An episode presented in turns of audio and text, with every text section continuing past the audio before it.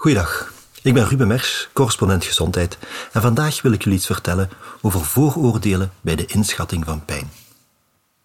Als je pijn hebt, wil je natuurlijk dat je omgeving en zeker je arts je gelooft en niet denkt dat je een aanstellerige huilenbalk bent. Het probleem is dat je bijna niet kunt bewijzen dat je echt pijn hebt. Er bestaat nog geen eenvoudige en objectieve methode om pijn te meten. Een pijnervaring valt niet af te leiden uit een hersenscan of bloedtest. En dus is pijn subjectief. De enige meetmethode die je arts kan gebruiken is je vragen hoe erg is je pijn op een schaal van 0 tot 10? Dat pijn subjectief is wordt een probleem als patiënten niet kunnen antwoorden op die vraag, omdat ze nog niet kunnen praten. Tot halverwege de jaren 80 werden baby's tijdens een operatie vaak niet of nauwelijks verdoofd.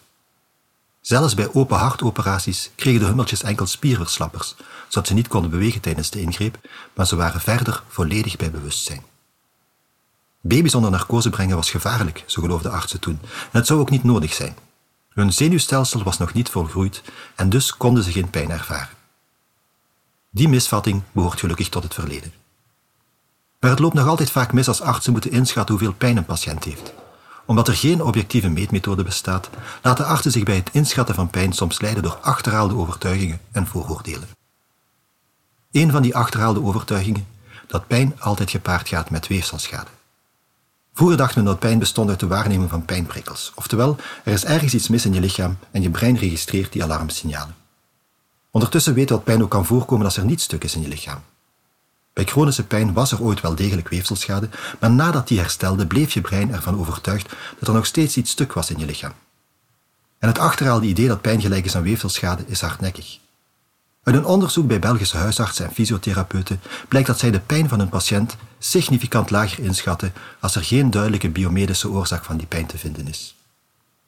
Dat pijn zonder weefselschade geen echte pijn, of tenminste minder pijnlijk is, is niet de enige achterhaalde overtuiging die de inschatting van pijn beïnvloedt. De subjectiviteit van pijn laat ons toe om onze vooroordelen erop te projecteren. In de 18e eeuw veronderstelden veel witte artsen dat zwarte mensen nauwelijks pijn zouden voelen. Een dokter uit die periode beweerde zelfs dat hij vele beenamputaties had uitgevoerd, waarbij de zwarte persoon zelf het te amputeren ledemaat vasthield. Nu, meer dan 200 jaar later, zijn die racistische overtuigingen nog steeds niet helemaal uitgeroeid. Uit een onderzoek onder een Amerikaanse studenten geneeskunde bleek dat meer dan de helft minstens één mythe over de pijnwaarneming van zwarte mensen geloofde. Dat zwarte mensen een dikkere huid zouden hebben dan witte mensen bijvoorbeeld, of dat hun zenuwuiteinden minder gevoelig zouden zijn. Het is dan ook niet verrassend dat deze studenten in datzelfde onderzoek de pijn van zwarte personen systematisch lager inschatten dan die van witte mensen. Dat racisme zien we ook in de praktijk. Zwarte kinderen die met een acute appendicitis opgenomen worden, kregen, zo bleek uit onderzoek, minder pijnstillers dan witte kinderen met hetzelfde probleem. En een andere studie toonde aan dat zwarte patiënten op de spoedeisende hulp niet alleen minder pijnstillers kregen, maar er ook gemiddeld een half uur langer op moesten wachten. Niet enkel van zwarte mensen, maar ook van vrouwen geloven best veel mensen nog dat ze zich aanstellen en overdrijven als ze beweren dat ze pijn hebben. In een onderzoek kregen proefpersonen filmpjes te zien van patiënten die een pijnlijke behandeling ondergingen. Daarna moesten ze op een schaal van 0 tot 10 aangeven hoeveel pijn die patiënten volgens hen hadden. Die inschatting werd dan vergeleken met de inschatting door de patiënten zelf. Wat bleek? De pijn van vrouwelijke patiënten werd systematisch onderschat, die van mannelijke patiënten werd overschat. Pijn lijden is vervelend.